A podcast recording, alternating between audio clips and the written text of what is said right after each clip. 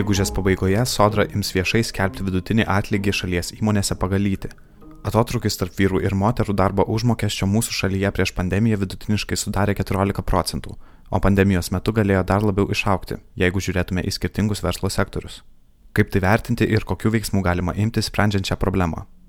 Moterų ir vyrų darbo užmokesčio atotrukiu vadinamas santykinis arba absoliutus visų vyrų ir visų moterų darbo užmokesčio skirtumas. Būtent šį rodiklį skaičiuoja statistikos departamentas ir jo duomenys viešina sodra. Vienodas darbo užmokestis reiškia, kad darbdavys privalo mokėti darbuotojams tokį patį darbo užmokestį už tokį patį arba vienodos vertės darbą. Ir tai numato šalies darbo kodeksas. Nors dažnai šie terminai naudojami kaip sinonimai, jie nėra tapatus. Atlygio rinkos tyrimų bendrovė Corn Ferry, analizuodama atotrukį tarp vyrų ir moterų darbo užmokesčio, teigia, kad teikiant bendrą statistiką natūraliai neįmanoma atsižvelgti į tokius aspektus kaip pareigybės lygis ar atliekama funkcija.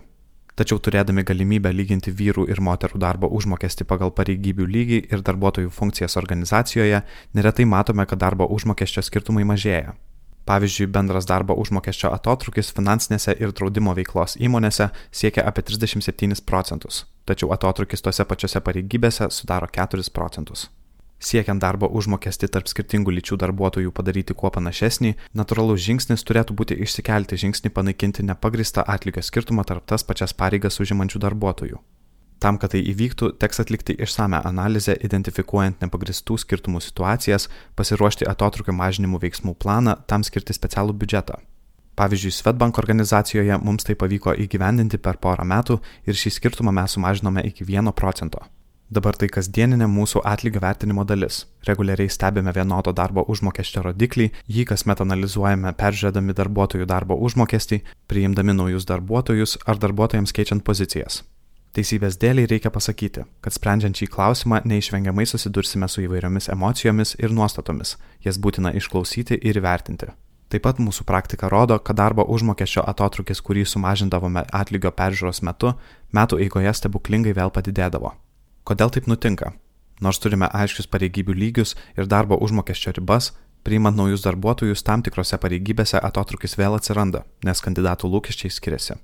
Toje pačioje Corn Ferry ataskaitoje pabrėžiama, kad praktika ir tyrimai rodo, jog vyrai drąsiau linkia prašyti didesnio atlygio ir tai darbdavių vertinama kaip drąsa. Tuo tarpu moterys elgesi kukliau, o tais atvejais, kai elgesi drąsiau, jos gali būti vertinamos kaip agresyvios ir akiplėšiškos. Analizuodami savo organizacijos situaciją bei stebėdami tendencijas Lietuvoje ir pasaulyje, matome, kad norint mažinti darbo užmokesčio atotrukį, būtina koncentruotis į kelias svarbiausias rytis. Visų pirma, tai lyčių balansas vadovaujančiose pozicijose.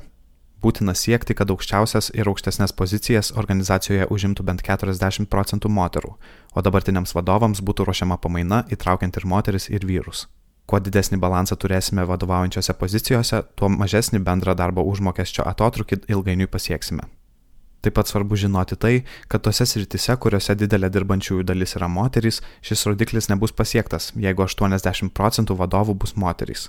Ilgametės studijos rodo, kad moterys savo karjeroje sustoja ties augimu į vadovaujančias pozicijas, bet to Lietuvoje, kaip ir visame pasaulyje, vis dar yra pastebima takoskira tarp vyriškų ir moteriškų profesijų. Tai reiškia, kad dauguma moterų renkasi humanitarinius ir socialinius mokslus, tuo tarpu vyrai tiksliųjų mokslų disciplinas. Tad šie dalykai turėtų keistis ne darbuotojams ateinant į darbo rinką, o daug anksčiau, renkantis mokslų pakraipą ar studijų kryptį. Antras svarbus veiksnys - vaiko priežiūros atostogų laikotarpis, per kurį moteris gali praleisti atlyginimo peržiūrėjimo etapus ir nuoseklų karjeros augimą. Organizacijos turi siekti, kad visos papildomos naudos, kurias gauna darbuotojai, nenutrūktų išėjus vaiko priežiūros atostogų, o atlygis būtų peržiūrimas grįžus iš jų, nelaukiant metinės peržiūros. Kaip rodo statistiniai duomenys, vaikų priežiūrai Lietuvoje kur kas daugiau laiko skiria moteris. Tikėtina, kad praėjusiais metais daugeliu darželinukų ir moksleivių mokantis nuotoliniu būdu iš namų, jų poreikiams daugiau laiko skiria mama. Kaip tikėtina ir kitiems būties darbams, kurių per pandemiją daugiau laiko praleidžiant namuose tik padaugėjo. Norint spręsti darbo užmokesčio atotrukio problemas, reikia būti nusekliems ir neatsitraukti nuo savo pozicijos. Kita vertus, būtina išklausyti darbuotojų nuomonės ir kalbėtis apie reakcijas, kurios kyla organizacijoje. Mes visi žinome, kad Lietuvoje gyventojų emocinė sveikata nėra aukščiausios kokybės, įskaitant ir vyrų sveikatą bei jų gyvenimo trukmę. Į lygybės klausimus turime žiūrėti kaip į galimybę visiems.